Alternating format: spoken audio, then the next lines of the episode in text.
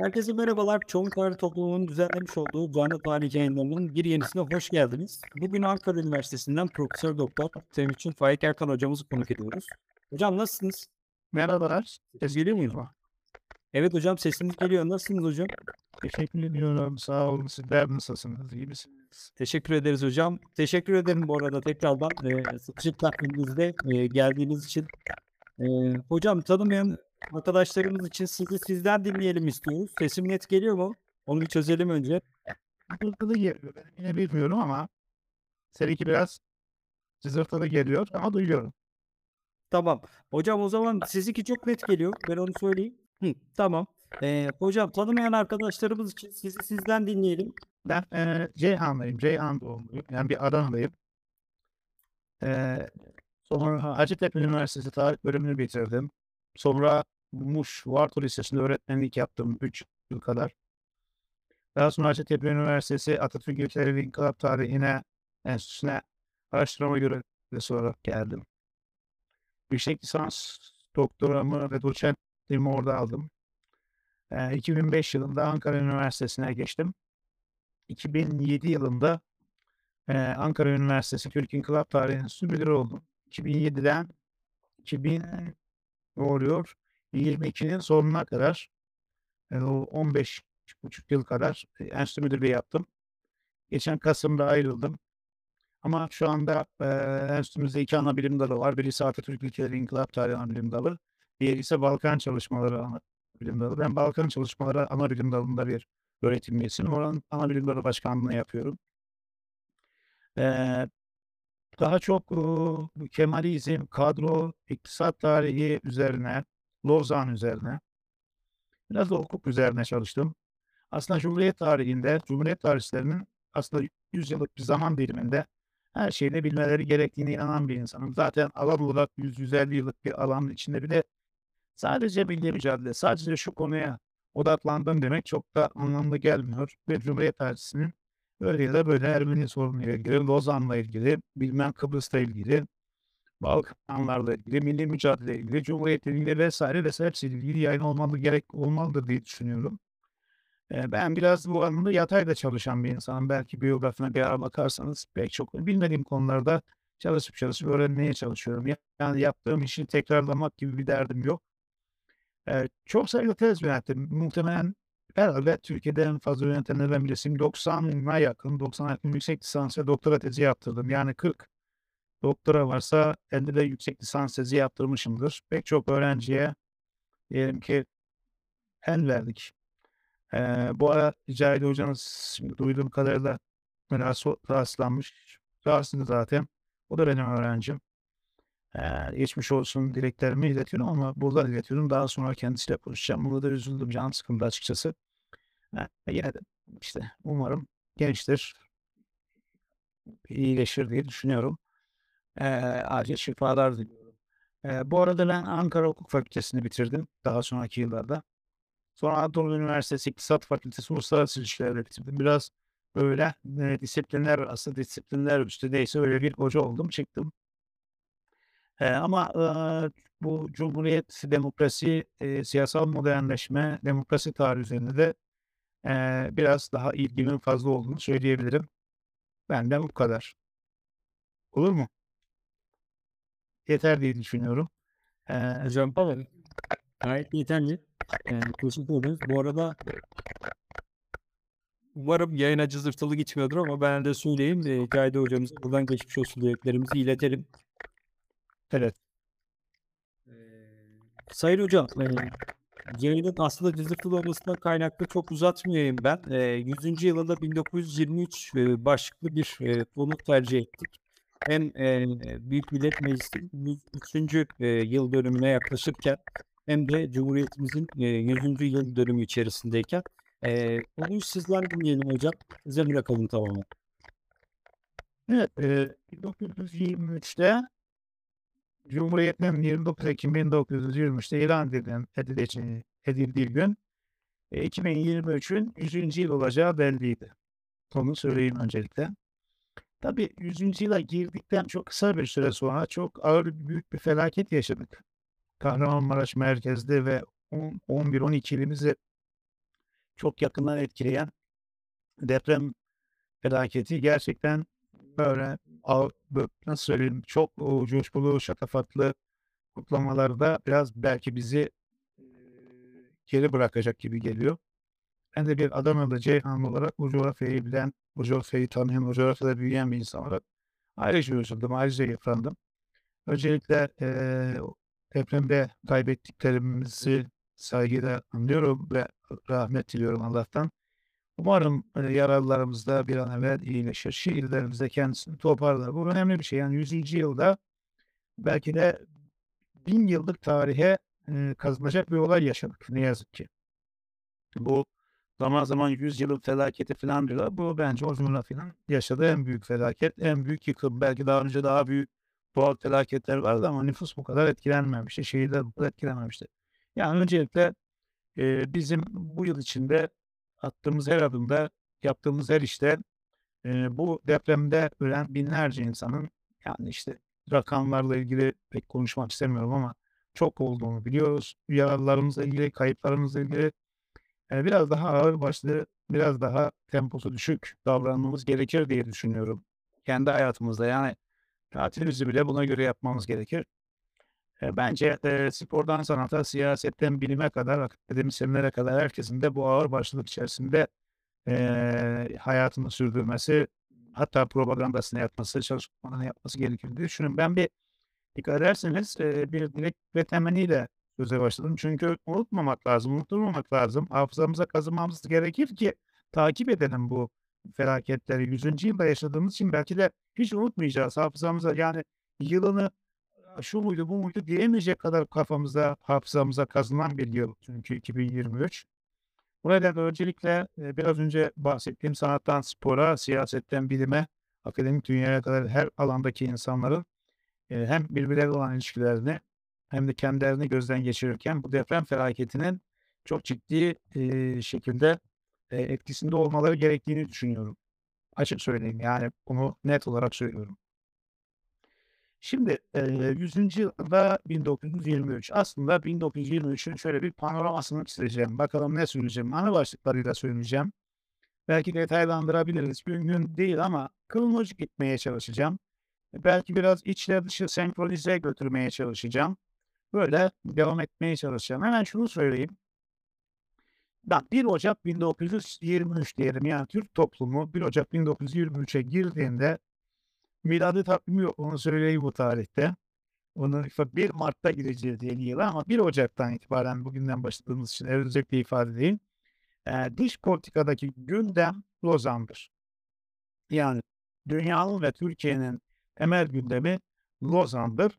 İç politikanın gündemi de meclisteki ikinci ve birinci grup arasındaki şeylerdir, konuşmalardır.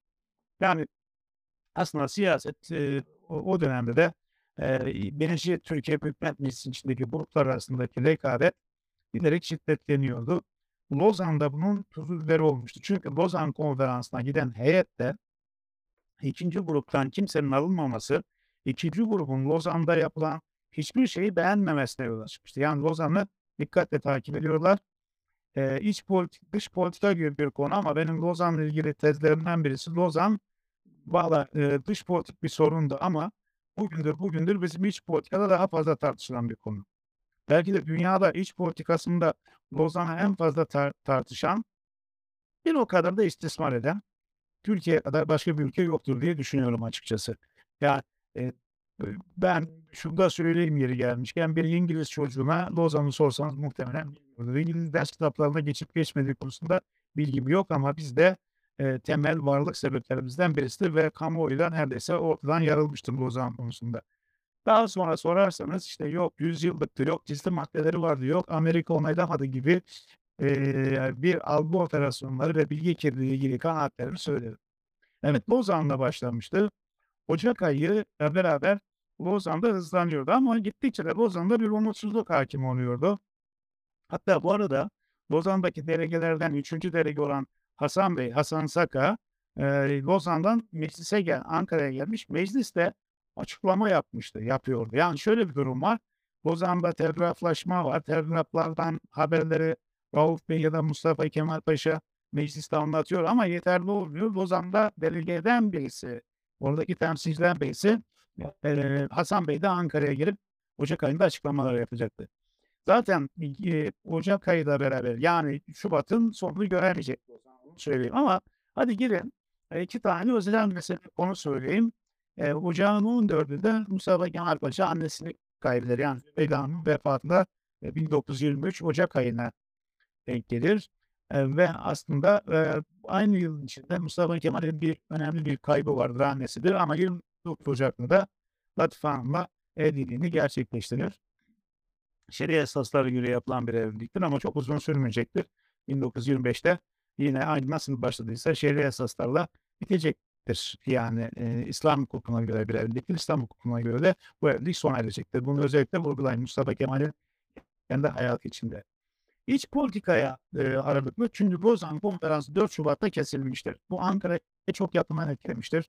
Eee, kesintiye uğraması beklenen bir durumdu. Çünkü 20 Kasım 1922'den Şubat'ın başına kadar hemen hiçbir konuda ilerleme kaydedilememiştir. Hatta işte konular şöyle konuşulur. Bir konuyu konuşuyorlar oturumlarda ya bunu başaramadık. Hadi şunu konuşalım. Onu başaramadık. Bunu konuşalım. Bunu bunu derken eee, yığılmıştır ve delegelerin hepsi de bu yığılan eee, Lozan dosyalarının altında kalmışlardır bir şekilde. 4 Şubat'ta Lozan Konferansı kesintiye uğramıştır ve delegeler ülkelerine dönmüşlerdir. Belki fazladan bir bilgi gibi gelebilir. İlginçtir. Lozan'a ilk giden Türkiye heyeti İsmet Paşa başkanlığındaki ilk giden Türkiye heyetidir. Lozan'dan sonra ayrılan da eee, İsmet Paşa ve Türkiye olacaktır bu kesinti döneminde. Hatta gittiğinde İsmet Paşa biz geldik. Siz neredesiniz? İşte biz barış eee, için geldik ama siz yoksunuz gibi bir propagandavari bir konuşma yapmıştır. Sonunda da zaten ayrılırken aynı tempoda eee, barış isteyen Türk tarafı oldu. Diğer tarafın dayak sürettiğine dair sözleri zaman ayrılmıştır.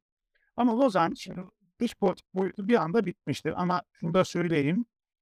Eee, yeniden görüşmelerin başlamasına kadar geçen sürede eee, ciddi bir şekilde eee, eee, Lozan müzakereleri vardır. Yani o katılan devletlerin hükümlerinde. Ama biz iç politik tartışmalara burada dönebiliriz. Çünkü Lozan'ın etkisinde iç politik hamlelerin yapıldığı bir döneme giriyoruz. Biraz önce bahsettim ben. Lozan Konferansı eee, başından sonuna kadar yani 100 yıllık zaman gelmiş. İşte bugün de dahil o gün Lozan'ı yaşayanlar, bugün okuyanlar eee, Lozan'la ilgili çok ciddi bir şekilde eee, ayrışma ve tartışma yaşıyorlar. Bugün de yaşanıyor.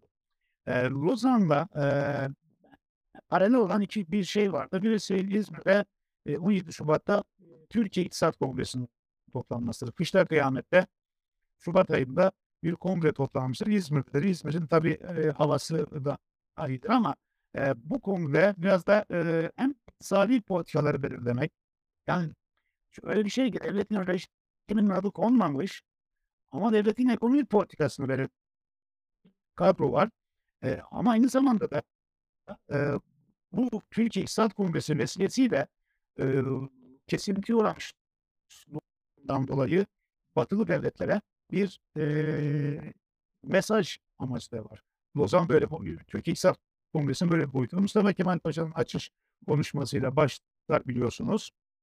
Eee, hani Mustafa Kemal'in tam bağımsızlık vurgusu yaptığı, işte elde ettiğimiz iktis askeri zaferler iktisadi başarılarla taçlandırılmazlarsa az zamanda yok olur derler, sönerler gibi yapmış olduğu sözler.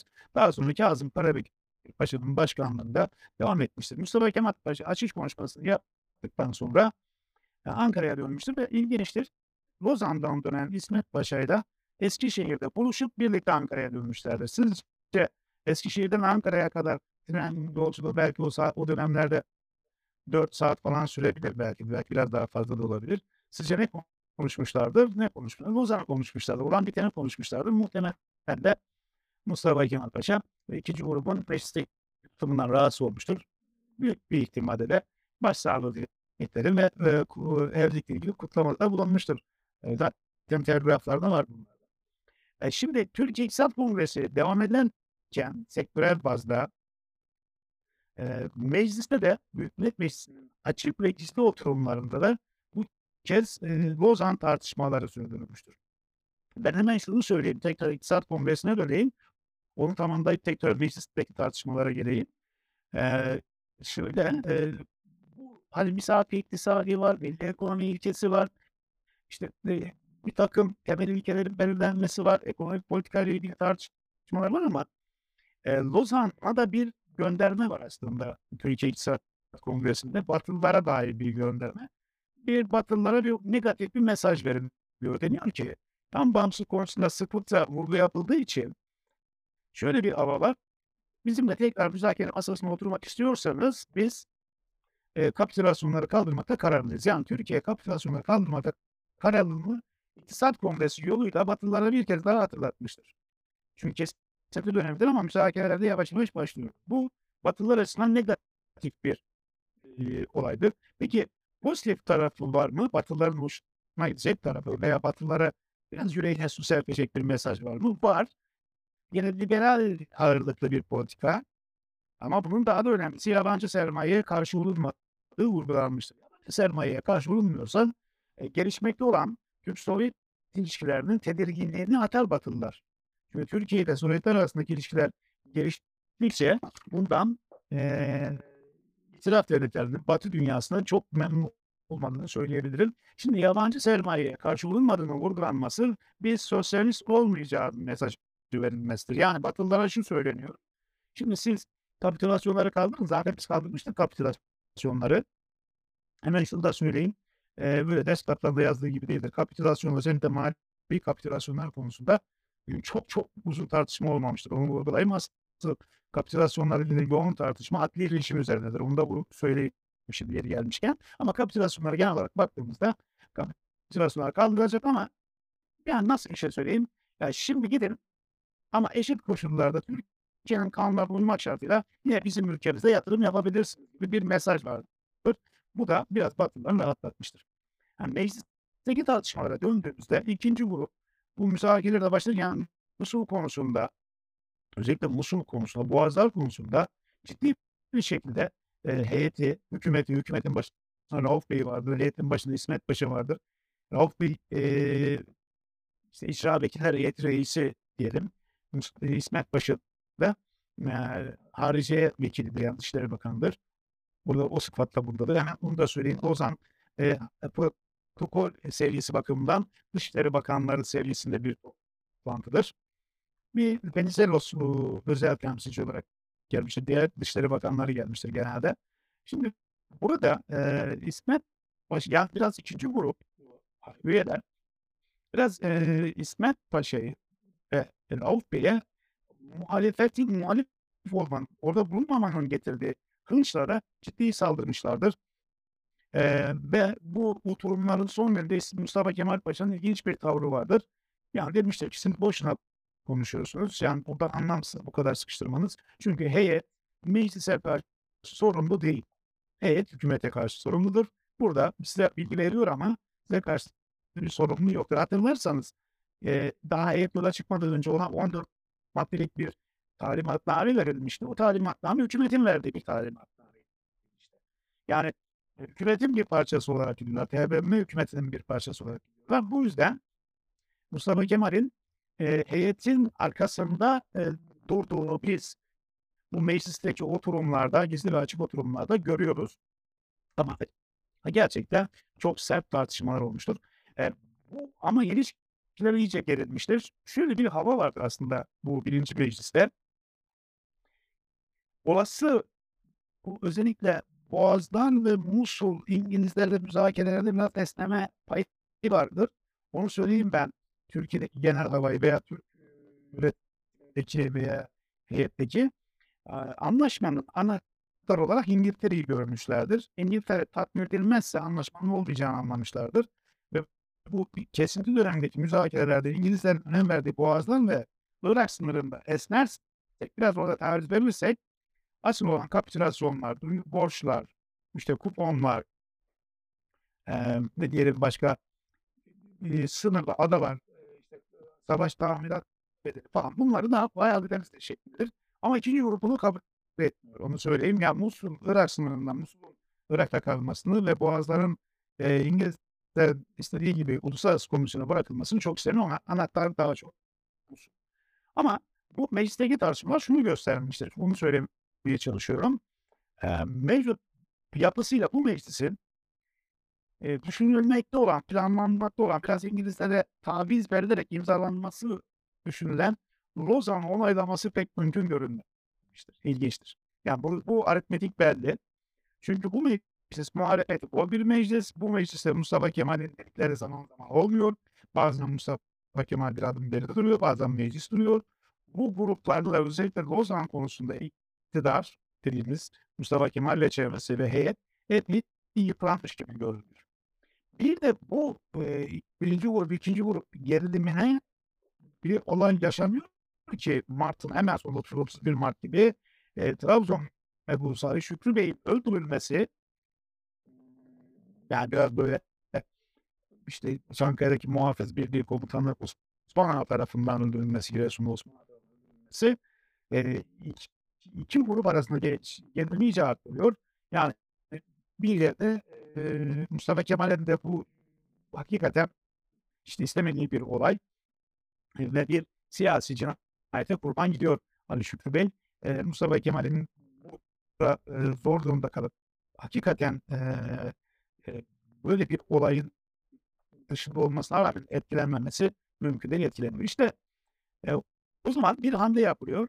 1921 Anayasası'na göre 2 yıldır meclisin görev süresi ama 3 yıl olmuştur toplamalı e, ve çok önemli olduğu için biraz detaylandırdım. 1 Nisan 1923'te meclise seçim kararı alınıyor. Yani biraz da böyle ikinci grubun olmadığı bir günde biraz operasyonel bir şekilde seçim kararı alıyor ve Türkiye seçimlere gidecek 1923'ün yaz aylarında.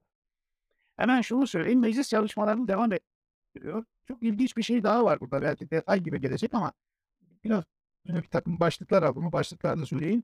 Amerikalılara 8 Nisan'da e, Chester projesi dediğimiz Chester projesiyle ilgili bir imtiyaz verdi. Bu aslında çok enteresan bir durum.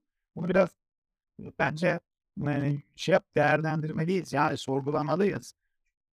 Lozan'da kapitülasyonları kaldırmak için yabancılara verilen imtiyazları kaldırmak için ve tam bağımsızlık için mücadele edilirken Amerika'ya Irak'ta yolunu işlemesi ve Musul petrollerini kullanma hakkına kadar götürecek bir e, imtiyazın verilmesi biraz tartışma yaratıyor. Yani Netice Türkiye Hükümet Meclisi'nin anti-emperyalist kimliğiyle uyuşuyor mu acaba diye tartışmalı bir konu. Ama bir şey burada, bir hesap var, stratejik bir hesap var. Chester projesinin dediğim gibi demir yolu projesi ama demir yolunun döşendiği yerdeki e, yerleri, madenleri kullanma hakkının Amerikalı Chester firmasına verilmesi. Bu ilginçtir. E, bunun bir koşulu var. Musul Kerkük bölgesi Türkiye'de kalırsa Amerikalılar bu proje hayata geçirecek. Buradan şu bekleniyor. Amerika Birleşik Devletleri temsilcileri var Lozan'da. Yalnız bunlar temsilci e, orada doğrudan taraf değiller, gözlemciler. Ama bununla beraber yani Amerikan da burada e, Lozan'daki fonksiyonu anlatmış olayım. Yetkili değil ama etkili bir Amerika var. Ee, Türkiye'yi mesela adli rejim konusunda bir meselesi olsa sıkıştırmaya çalışıyor. Daha çok bunu resmi oturumlarda değil de çünkü taraf değil biliyorsunuz. Şunu söyleyeyim Amerika Birleşik Devletleri'nin Lozan imzası olmayacak. Yani taraf değil. Ama e, orada bir e, büyümekte olan aslında Avrupa'da etkili olmaya çalışan bir devlet her ne kadar Monroe doktrini varsa da ama burada e, temelinde e, Amerika'nın, ABD'nin e, bu Lozan'da Musul konusunda Türkiye'nin yanında yer alması düşünülüyor. Eğer bunlar işte bizde kalırsa e, biz size orada imtiyaz vereceğiz. O zaman bizde kalması için baskı yapılır devlet. Bu hesap tutmayacak. E, 16 Nisan'da meclis son toplantısını yapıyor ve dağılıyor. Bugün de biliyorsunuz. Geçen hafta yaptığım bizim bugünkü Türkiye Büyük Millet Meclisi'de 27. dönem bağlı. Ve artık herkes seçim. Ve seçimler yapılacak. Ha, bu arada unuttum söylemeyi. E, seçimlerin yapılması kararından sonra Mustafa Kemal Paşa'nın 8 Nisan'da 9 umde dediğimiz Anadolu ve Rumeli Müdafaa Cemiyeti'nin dayandığı 9 ilkeyi açıklaması. Yani egemenin millet ait olmasından e, aşağının kaldırılmasına kadar böyle hem seçim vaadi hem bir program gibi düşünün bunu. Anadolu Rumeli Müdafaa Cemiyeti'nin takdir edersiniz ki bu 9 umde Nisan 8 Nisan 1923'teydi yani 100 yıl önceye gittiği için söylüyorum hatta bugünlerde. Eee daha sonra Anadolu ve Rumeli Müdafaa Hukuk Cemiyeti'nin dayandığı 9 ilçeyken daha sonra Halk Fırkası'nın dayandığı 9 ilçe olacak ve 1931'e kadar bir takım tüzüklerle beraber Cumhuriyet Halk Fırkası'nın, Cumhuriyet Halk Partisi'nin programı gibi değerlendirilecek. Önemli aslında. Ben bu beyannameleri önemsiyorum arkadaşlar. Genç arkadaşlar var. Bunlara çalışabilirsiniz. İşte Erzurum ve Sivas Kongresi beyannameleri, halkçılık beyannamesi değil mi? Bunlar önemli. Bir de bu beyanname olarak 9 umdenin yayınlanması önemli. Bunlar aslında bizim siyasi tarihimizde önemli hamleler geliyor. Bu beyannamelerden birisi de işte 9 umdenin açıklaması. 9 ilke bunlar önemli. Ee, bu arada e, meclisin şunu da söyleyeyim yeri gelmişken ikinci dönem toplantılarının başlama zamanı belirlenmiş. 23 Nisan'da toplanacak.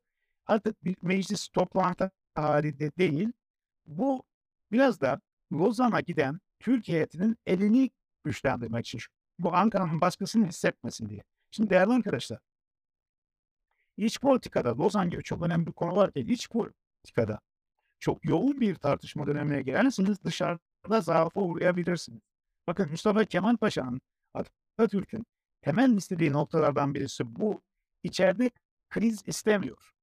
Çünkü içeride siyasal bir kriz yaşanırsa Lozan'da bizi daha fazla gözlerini kestirebilirler diye düşünüyor. Doğrudur. Bu yüzden dengelemeye çalışıyor. Bu seçim sürecinde de e, heyetin arkasında bulunmayan, heyeti mütemadiyen eleştiren bir parlamentoyla heyetin çok rahat edemeyeceğini düşünüyor. Ya söyleyeceğim işte şu. Bence Türkiye'deki seçim kararının alınması ki bunu Mustafa Kemal mutlak istiyor. Bu nedenle tabii ki Lozan, tabii ki Lozan sonrasındaki devrimleri yapacak daha zinde, daha homojen bir meclis istiyor. Ama bununla beraber Lozan'a gidecek heyetin de meclisin baskısından kurtularak daha rahat hareket etmesini sadece bir siyasal ortam hazırlıyor. Gerçekten de Lozan 23 Nisan'da başlıyor. Bir, şey, bir şey söyleyeyim size. Birinci dönem o 20 Kasım 1922'deki gibi coşku yok. Ee, Batı basının ve dünyanın ilgisi de yok. Çünkü Lord Curzon gelmemiş. Ben delegeler neredeyse ikinci delegeleri gönderiyorlar. İsmet Paşa değişmemiş. Bir de Velizelos değişmemiş. Yunan temsilci değişmemiş. E, biraz o müzakereler döneminde İngiltere istediğini aldığı için İngiltere için artık o zaman pek bir önemi kalmamış. İngiltere'nin çok da önemsemediği konferansa bak hiç önemsemiyor demiyorum. Çok da önemsemediği Asma Alacan'ı alıyor konferansa e, e, ikinci delegesi Rumbold'u göndermesi. Orası Rumbold'u ki İstanbul'u bilen bir insan, Türkiye'yi bilen bir insan onun gönderilmesi biraz e, dikkatlerin eskisi kadar Lozan'da olmamasına yol açıyor. Bu bir fark. İkinci dönem görüşmeleri için söyleyeceğim bir başka nokta bu yüzden daha çok ekonomik ve mali e, konular üzerine İstanbul'un kabilesi üzerine ve Yunanistan mühendisliğinden tahminat bedeli üzerine odaklanan bir durum var. Yani araziden ziyade ekonomik mali konular, borçlar, Yunanistan mühendisliğinden tahminat bedeli var. Tahminat bedelini bilerek kullanıyorum. Savaş tazminatı demiyorum. Savaş tazminatı daha genel. Tamirat bedeli, yani bu terminolojiyi dikkatli kullandığımı düşünüyorum. O yüzden de üzerinden basa basa söylüyorum. Tahminat bedelisi şu. Geldiniz Anadolu'ya, yaktınız, yıktınız, harap ettiniz. Buranın o harabının bedelini verebilirsiniz. Savaş tazminatı daha geniş. Yatmasalar bile, mesela Türk ordusu Londra'ya gitmedi ama İngilizler Birinci Dünya Savaşı'nda bizden savaş tazminatı. Seher'de vardı hatırlayın. Yani ille yakıp yıkmaz şart değil. Bu anlamda tamirat bedeli ifadesini bilerek kullanıyorum. Size böyle öneririm. Ee, bu da bir farklı konu. Ama bir konu daha var. Bir konu daha var. Hiç Mustafa Kemal Paşa'nın istemediği bir şey oluyor. Ee, Lozan'daki Türkiye heyetinin başkanı İsmet Paşa ile Ankara'daki Türk hükümetinin başkanı diyelim Rauf Bey, Rauf Burbay anlaşmalar düşüyor. Aslında Lozan ikinci dönemde damgasını vuran bir gelişme. Anlaşma çatışmazlığa düşmelerinin temel nedenleri tabii ki e, altında derinde yatan bir takım e, dünya görüşü farklılıkları vardır. Daha sonra çok net ortaya çıkacak. Bu tartışmalar ta terakkiperlerin kuruluşuna kadar tartışma anlamda uzayacak bunu söyleyeyim.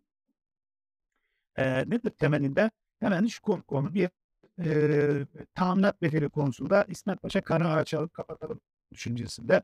Rauf Bey ay sonuna kadar gidelim. Onların para yoksa donanmalarını alırız dediği söyleniyor. Bu ben böyle yorumlara inandım. Niye? Rauf Bey denizci olduğu için Yunanistan'ın donanmasına göz dikmiş olabilir diye düşünüyorum. Birisi o tamirat bedelini alırsın almasın. Karaağaç alma, para al. İsmet Paşa diyor ki hiç kimse tamirat bedeli böyle tazminat tazminat ödenmiyor. Zaten Yunanistan bizden beter veremiyor parayı. Karaağaç alıp kapatalım bu konuyu diyor. Rauf Bey hayır. Bu bir. İkincisi e, özellikle e, borçların hangi parayla ödeneceği, hangi para birimle ödeneceği e, muallakta bir konu. E, Rauf Bey özellikle bunun e, altın ya da sterlin olmasını istemiyorlar mütemel değer kazanıyor. İsmet Paşa bu konuda telkinlerde bulunuyor ki Lozan'da bununla ilgili çok somut bir şey çıkmayacak.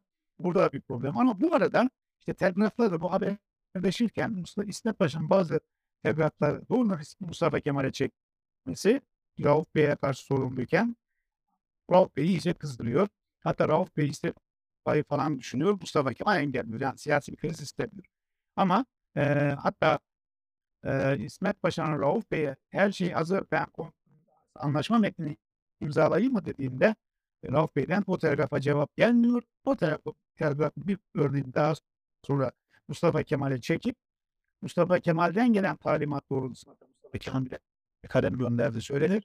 Lozan İsmet Paşa imzalayacak. O zaman bu dönemde 23'te yani 100 yıl önce olan başka bir şey ne var 23'te? Lozan Antlaşması'nın e, 24 Temmuz 1923'te imzaladı.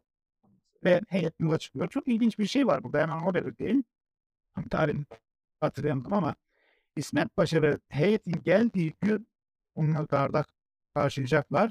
Rauf Bey e, TBMM başkanlığından yani icra vekilleri heyetin reisine istifa ediyor. Bu ana kadar Mustafa Kemal dengeliyordu. Yani istifayı önlüyordu. Ama artık e, Rauf Bey e, şey, e, İsmet Paşa'yı karşılamak istemiyor. E, ve anlıyor ki aslında Mustafa Kemal ve İsmet Paşa'ya daha yakın duruyor ve istifa ediyor. Bakın bu istifa çok önemli. Çünkü e, bu 24 Temmuz'dan sonra bunlar daha sonra Halk Fırkası üyesi olacaklar ve bunu Bey biliyorsunuz. E, e, burada ayrıca ayrıca ayrıca hatta İzmir suikast girişiminden cezalandırılmasına kadar bir buna süreç başlıyor. Yani yol ayrımları başlıyor. Onu söylemeye çalışıyorum. Ya bu şey konu aslında Lozan gibi görünüyor. Ama artık Lozan'la beraber dışarıdaki sorunlar bitmiş olduğu için içeriye dönülmüş. Bunu özellikle vurgulayın. E tabii Lozan, yani Rauf İsmet e, çekişmesine Mustafa Kemal İsmet'ten İsmet Paşa'dan yana bir tavır takıldığını söyleyebilirim. Rauf Bey'in de biraz kırgın bir şekilde uzaklaştığını söyleyebiliriz. Lozan Konferansı bu 11 Ağustos'ta ikinci meclis toplanıyor. İkinci meclis Anadolu'da Rumeli Müdafaa Hukuk Cemiyeti üyelerinden oluşuyor. Söyleyip homojen bir meclis. Mustafa Kemal e, adayları kendisini belirliyor ve e, hem iddiatçıların, eski iddiatçıların hem de ikinci grubun seçilmesi önleniyor. Bir bağımsız üye var, o da söyleyeyim detay olarak.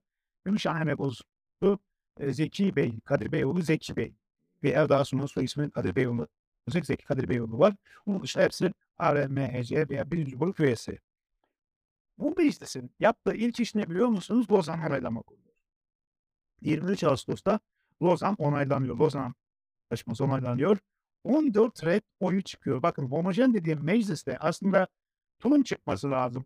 Oy birliğiyle onaylanması gerekiyor. Bu beklenirken daha ilk etapta 14 red oyunun çıkması aslında memnuniyetsiz bir grubun, bir kişi grubu olduğunu ortaya çıkaran bir vaziyet. Tartışılıyor çünkü yine aynı şekilde Musul ağırlıklı olarak. Ee, 23 Ağustos'ta ona artık bitti. Türkiye bunu da söyleyeyim. İlk onaylayan ülke de Türkiye. Bunu da vurgulayayım ben size. Çünkü en fazla barışa ihtiyacı olan taraf Türkiye. Bu, ya bu konuyu açabilirim sonuna kadar. Bu arada Mustafa Kemal Paşa Anadolu ve Rumeli Müdafaa Cemiyeti'ne çok Aralık ayında söylemişti. Nisan'da tekrar söyledi. Bunun bir siyasal partiye dönüştürülüyor ve 9 Eylül 1923'te Halk Fırkası kuruluyor. Bakın adı bu. Halk Fırkası. Halk Fırkası kuruluyor. O biraz önce bahsettiğim 9 Eylül'de Halk Fırkası'nın e, aynı, aynı dönemde kabul edilen nizamname yani tüzükle beraber Halk Fırkası'nın programını oluşturmuş oluyor. Şimdi ilginç bir süreç başlıyor. Artık içe dönebiliriz değil mi? Ama içe dönmeden bir e, kırılmamız daha var. Lozan'ın onaylanmasına bağlı olarak İstanbul tahliye ediliyor. 6 hafta sonraydı. 2 Ekim'de İtilaf Devletleri orduları İstanbul ve Boğazlar'dan çekiliyorlar. Bu önemli. Yani Lozan'da bizim elimizi zayıflatan bir unsurdu. Bir baskı unsuru oluşturuyorlardı. E, 13 Kasım'da 1918'de itiraf donanması biliyorsunuz girmişti İstanbul'a. Ondan biraz önce Çanakkale'ye girmişti.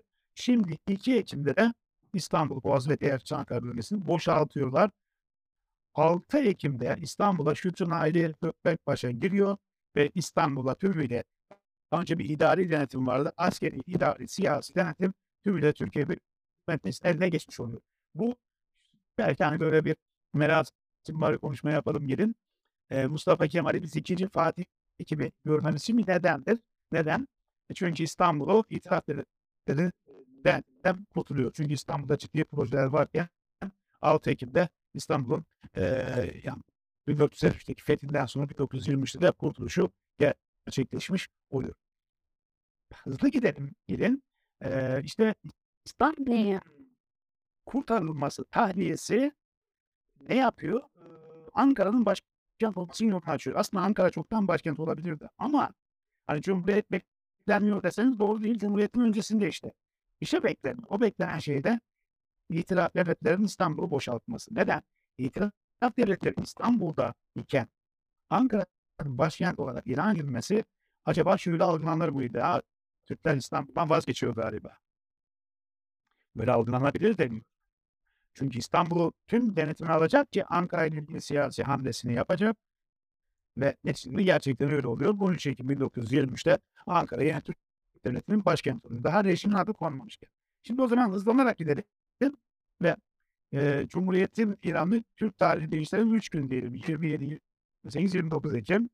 27 Ekim'de bu Rauf Bey'in yerine hükümeti kurmuş olan Fethi Bey e, istifa ediyor ve iki gün sürecek bir hükümet krizi başlıyor. Biliyorsunuz e, pratik bir hükümet e, şeyi yok, kurma sistemi yok, meclis hükümet sistemi var. E, bu biraz bence Mustafa Kemal için fırsat veriyor. Aslında 27 Eylül'de Mustafa Kemal'in Free diye bir gazete var. Bu gazeteye vermiş olduğu demişte yani Cumhuriyet ilan edeceğini açıkça söylüyor. Milli egemenliğe dayanan bir rejimin gerekliliğini. Ama ortam uygun değil. Ee, bir kriz çıkıyor. Hükümet krizini Mustafa Kemal bu bir yerde yarara çeviriyor. Ve 29 yani şu çok bu inandırıcı olan bir insan değil. Yani Mustafa Kemal'in 28 Ekim 1923'te Çankaya Köşkü'nde yarın Cumhuriyet ilan edeceğiz demesi doğru. Orada bulunanların buna şaşırması ben şaşırıyorum. Yani şaşırtıcı bir gelişme değil. Türkiye'deki gidişat belli. Zaten 1 Kasım 1922'den beri bir yıldan beri bir boşluk var. Rejimin adı yok. E zaten savaşı kaybetmiş merkezi imparatorluklar çökmüş, monarşiler çakılmış. E, zamanın akışına bakarsanız Türkiye'de bir rejim değişikliği olacak. E, belli zaten. Ankara'yı da başkent yapmışsınız. Daha önce saltanat kaldırmış. Her bir tır tutuyor. Bu aslında Cumhuriyet'in ilanı sürpriz değil. Açık söyleyeyim ben size. Hani 28 Ekim 1923'te Çankaya Köşkü'nde Mustafa Kemal'in işte ya Nuşen işte İsmet Paşa Fethi Bey falan varken yarın Cumhuriyet İran diyeceğiz demesi ve oradaki diğer insanlara aa öyle mi falan demesi bana pek böyle mantıklı gelmiyor açıkçası. Yani, bekliyoruz. Ne demişlerdir diye düşünüyorum ben. Ama gerçekten 29 Ekim'de ilk önce konu e, Halk Kasımı grubunda tartışılıyor. Daha sonra öğleden sonra meclisin gündemine giriyor. E, e, 158 üye var. E, bir kişi çekimser, e, onun dışında herkesin kabulüyle Cumhuriyet e, bir 1920 Anayasası'nın birinci maddesi değiştirilerek Cumhuriyet rejimine geçiliyor. Yani deniyor ki birinci madde egemenlik kayısı şahsın milletindir. Türkiye Devleti'nin şek hükümeti Cumhuriyettir diye bakın. Anayasa değişikliği bir kanun maddesi gibi oylanarak gerçekleşiyor 21 Anayasası. Burada 158 rakamını bilerek söyledim. 320'ye yakın milletvekili var. Ee, Karabekir Paşa, Ali Fuat Paşa, Rauf Beyler gibi şahıslar bugün yoklar. Yani şöyle bir durum var. Cumhuriyetin ilanına gidiş süreci çok hızlanmış. Önüne geçilemez. Ama e, geçen bana bir yerde de sordular. 29 Ekim'de Cumhuriyet ilgili ne tartışma olmuş hiç olmamıştır bu. Yani e, çünkü Cumhuriyetçiler var bugün mecliste. Sadece Cumhuriyet ilanının gerekliliği üzerine konuşulmuştur genel olarak. Yoksa e, böyle Halk fırkasında zaten hemen geliyor. Çünkü e, bu Cumhuriyet'in ilanına eleştirel bakacak olanlar bugün mecliste yoklar. Acaba bilerek mi? Olabilir. Yani e, Kazım Karabekir'in mesela İstanbul'da duyduğu top seslerini ne oluyoruz diyor. İşte Cumhuriyet ilan edildi. Paşam ha öyle mi hiç haberim yok. Hayırlı olsun falan diyor. Ya böyle bir ayrışma var. Ee, aynı gün Mustafa Kemal Paşa Cumhurbaşkanı seçiliyor mecliste yapılan oylamayla. Hemen onu da açıklayayım. Hemen bilgi vereyim. 1923'te seçiliyor. Meclisin her yenilendiğinde 27'de 1927'de tekrar Mustafa Kemal Cumhurbaşkanı seçiliyor. 1931'de seçiliyor. 1935'te son kez seçilecek. Ben şöyle söylerim, size söylemekte bir mahsur görmem. Ee, Mustafa Kemal Paşa'nın meclis her yenilendiğinde Cumhurbaşkanı seçilmesi e, Türkiye'de onun kendisinin meclisin iradesine, demokrasiye olan inancını gösteriyor. Değil mi aslında? Ama karşısına aday çıkmaması demokrasinin bütün anlam ve şekliyle kurumsallaşmadığını gösteriyor. Yani şöyle böyle tartarsınız bence. Hani bir kere seçildim ben artık bundan sonra kayda hayat şartıyla Cumhurbaşkanıyım. Bak değişmez. Halk Fırkası Genel Başkanlığı var ama değişmez Cumhurbaşkanlığı yok. Ne demek istediğimi anlıyor musunuz? Yani Halk Fırkası da tabii örgütlü örgütlerin yapısı olduğu için. Bu nedenle Mustafa Kemal'de anlamında açısından 23, 27, 31 ve 35 4 kez Cumhurbaşkanı seçiliyor. Ee, hemen Mustafa İsmet Paşa'yı başbakanlığa atıyor. Bu arada kendisi artık meclis başkanlığı ve başkomutanlık görevi bir şekilde o kanunda bitiyor. Ee, Fethi Bey de baş, şey, meclis başkanı oluyor. Yani ben şuradan çıkarıyorum. Fethi Bey'in hükümetten istifası Mustafa Kemal'i kızdırmamış. Hani hükümeti istifa ederek siyasi krize yol açtı ama cumhuriyetler de Fethi Bey bu Mustafa Kemal iradesi dışında ve Mustafa Kemal'e karşı bir hamle gibi istifa etseydi meclis başkanı olmaz diye düşünüyorum. Hatta bir tatil gibi geldi bana meclis başkanı olacak. Başbakan da İsmet Paşa olacak. Şimdi fakat bir gerçekle karşı karşıyayız. Cumhuriyetin ilanı ben burada milli egemenlikle demokrasiyle ilgili merasim var ve konferans konuşması gibi yaparım. Bunlar önemli. Bunlar var. Türkiye Demokratik Teşkil Süresi bir adım daha atılıyor. Ee, ülkemiz milli egemenlik ilkesi daha güçleniyor. Bunlar biliniyor. Ama bence önemli bir sonuç şu. Yani Cumhuriyet konusu tüm Cumhuriyet olmadığı için detaylandırmalı. Yoksa onunla ilgili de bir yarım saat, bir saat konuşulur. Geçmişten getiririz ama onu geçiyorum. Ama ben siyasi tem 1923'te yarattığı sonucu söyleyeyim. Siyasal ayrışmayı bir zorlaştırıyor. Yani o e, terakkiperver Cumhuriyet Fırkası'na giden yolu açıyor. Belli ki Mustafa Kemal Paşa'nın artık çevresi değişiyor.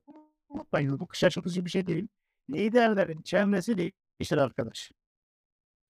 Yani bugün Cumhurbaşkanımızla siyasete başladığı çevreyle bugün çevresi farklı olabilir. İlk e, işte siyah, e, genel başkanın da çevresi farklı. Liderlerin böyle bir durumu vardı. Bu sürpriz değil. Mustafa Kemal'in Samsun'a çıktığı kadroyla meclisi açtığı kadro farklı. Cumhuriyeti kurduğu fa kadroda farklı. Mesela ölürken yanında bulunanlar da farklı. Yani liderlerin çevresi böyle bir değişim gösterir. Değişkendir. Bu da liderliğin kaderindedir. Belki de liderler için üzücü bir durumdur ne bileyim. Ama bu bir gerçek. Şimdi o zaman Karabekir Paşa, Ali Fuat Paşa, Rauf, Refet Paşa, Atman Adıvar gibi şahıslar bu Cumhuriyet'in ilan edilmesini İstanbul basının üzerinden zaman zaman Halk Fırkası grubu eleştiriyorlar. Diyorlar ki ya bu madem milli egemen biz Cumhuriyet'e karşı değiliz diyorlar.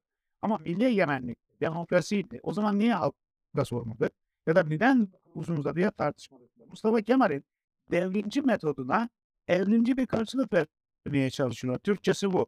Yani bunu zamana bırakalım. Mustafa Kemal ne göre ise Batı olan mesafe o kadar açılmış ki bunu böyle tedrici, zamanla yayacağımız tedbirler de yapmamız mümkün. Bu iki tane metot. Bakın ben e, burada ortadan konuşuyorum. İki tane metot, iki tane dünya görüşü. Birisi daha kökten, değişimin daha hızlı, daha çabuk, zaman gerekirse zorla ve tüm yapılmasından yana yani devrimci bir metot. Diğeri ise ya bunu zamana yaratmayalım, topluma bir rıza oluşturalım, bunu kademe kademe gerçekleştirelim diyen evrimci. Yani eski bir inkılapçı, tekamülcüler. Anladınız mı? Aslında mevzu bu. Ben şuna karşı metod olarak Mustafa Kemal Paşa'nın karşısında olan herkesin vatan ayrı olarak adlandırılmasını doğru, doğru bulmuyorum. Bu bir siyasi tartışmalı. Bu bir siyasetçi anlayışıdır. Bu yüzden eee düşünebiliyor musunuz Kazım Karabekir Paşa başka bir ünlükten bir Yani onu şimdi buradan caddelerde, sokaklarda, eee, salonlarda isimleri var. Öyle bakmamak lazım. Olaya şöyle bakmak lazım. O yaşananlar tarih biliminin bir konusu. Madem hani de bulunan toplulukla ilgili. Tarih biliminin bir konusu. Tarih biliminin bir konusu. Tarih biliminin metodolojisine göre anlatmak lazım. Demek istediğimi anlıyor musunuz? Yani amigolik yapmadan, şovmenlik yapmadan ya da eee, sanki o siyasi çevrenin bir parçası gibi kendi addederek değil. Bunu özellikle vurguluyorum. Eee, şunu söyleyeyim ben size. Geçen 10 Kasım'da bir konuşma yapmıştım. Konuşmam Atatürk 3 açıdan da bir milli değerdir demiştim. Tartışamazsınız. Varlığı yok. Milli değerdir. Bakın değer yargısı bir milli değerdir. Ona söylenecek söz bu millete söylenmiş sayılır. Eee, koruma kanunu olmasa bile Atatürk değerdir, değer. Yani bizim milli değer. İkincisi Atatürk bir ideolojik önderdir. O da çevresinde Atatürkçüler oluşur. Yani Atatürk'ün milli değer görmeniz için Türkiye Cumhuriyeti yurttaşı olmanız yeterlidir. Ne demek istediğimi anlıyor musunuz? İdeolojik önder görmeniz için Kemalist ideolojiye, Atatürkçüye inanmanız gerekir.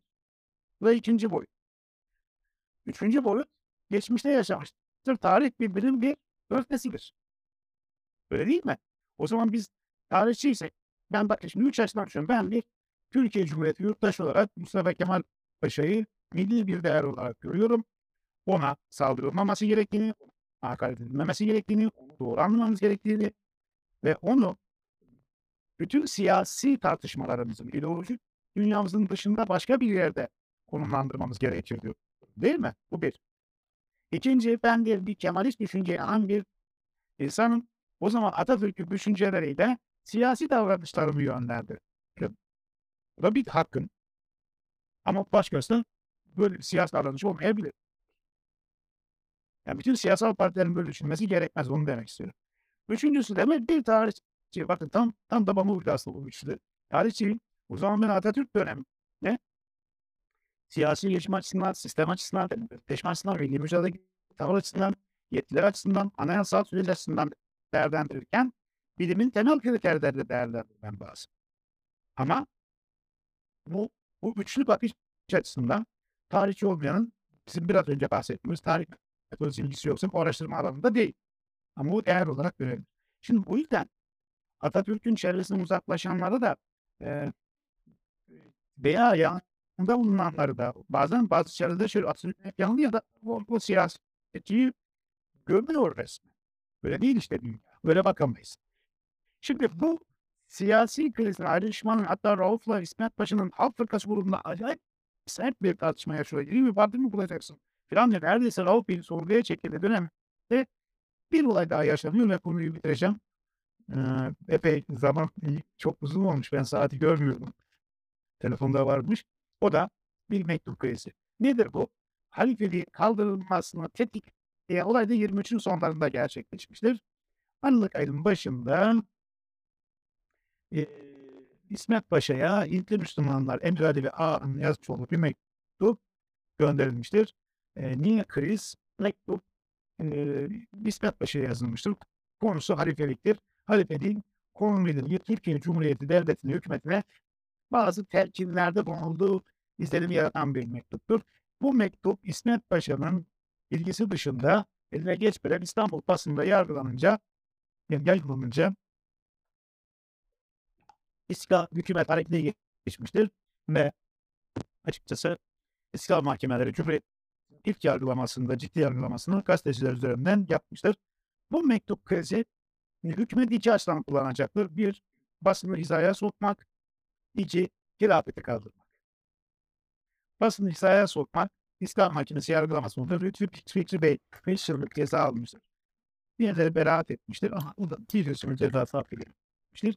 Kısacası bu mektup krizde 1923'ün siyasetin son olayıdır derim. Ee, ve 24'e girerken e, Türkiye neyi tartışıyordu? Hilafeti tartışıyordu. Yüzelilikleri tartışıyordu. Ha onu söylemedim. E, Lozan'a bağlı orada mübadele başladı.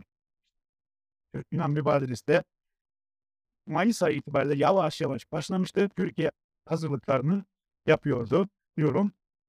Aslında ilginçtir değil mi? Dolu dolu geçen bir 100 yıllık dayanmış 100 yıl önce. Bu 1920 çok yoğun geçmiş. Ben dokundum dokundum bıraktım. 50 dakika konuşmuşum.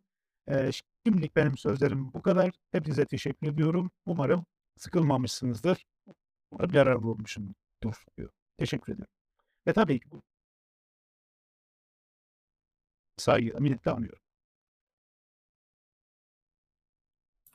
Sayın Hocam teşekkür ederiz. Şöyle yaparsam düzelecek galiba. Ben çok cızırtılı olduğu için aslında e, görüşlerimi pek e, bildiremeyeceğim ya da yorumlarımı çok ifade edemeyeceğim gibi gözüküyor. E, ama teşekkür ettiğimizi e, söylemek isterim. E, ayrıca e, yayından sonra sesi e, düzelteceğimi belirtmek isterim. E, Spotify üzerinden yani podcast olarak e, ses düzenli gelecektir. Onu ileteyim herkese. E, Hocam eklemek istediğiniz başka bir şey yoksa e, yayına katılanlara da izleyenlere de ayrıca teşekkür etmek istiyorum. E, küçük bir yorum e, yapmak istiyorum. Bilmiyorum duyulur mu? Biz ne yazık ki e, taraftarları çok fazla seviyoruz. E, kendi kafamıza göre hangisi yatkınsa onu böyle tarihin içinden cımbızlıyoruz. Ne yazık ki tarihi böyle kullanıyoruz. E, ama e, umuyoruz ki e, biz öğrenciler ve arkamızdan gelen arkadaşlarımız da e, daha iyi anlatacaktır, daha iyi metodolojiye sahip olacaktır diye umut ediyoruz. Teşekkür ederim hocam katıldığınız için. Teşekkür ediyorum. Hepinize selamlarımı, sevgilerimi iletiyorum. Görüşmek üzere. Hoşçakalın. Sağ olun hocam. İyi akşamlar. İyi akşamlar.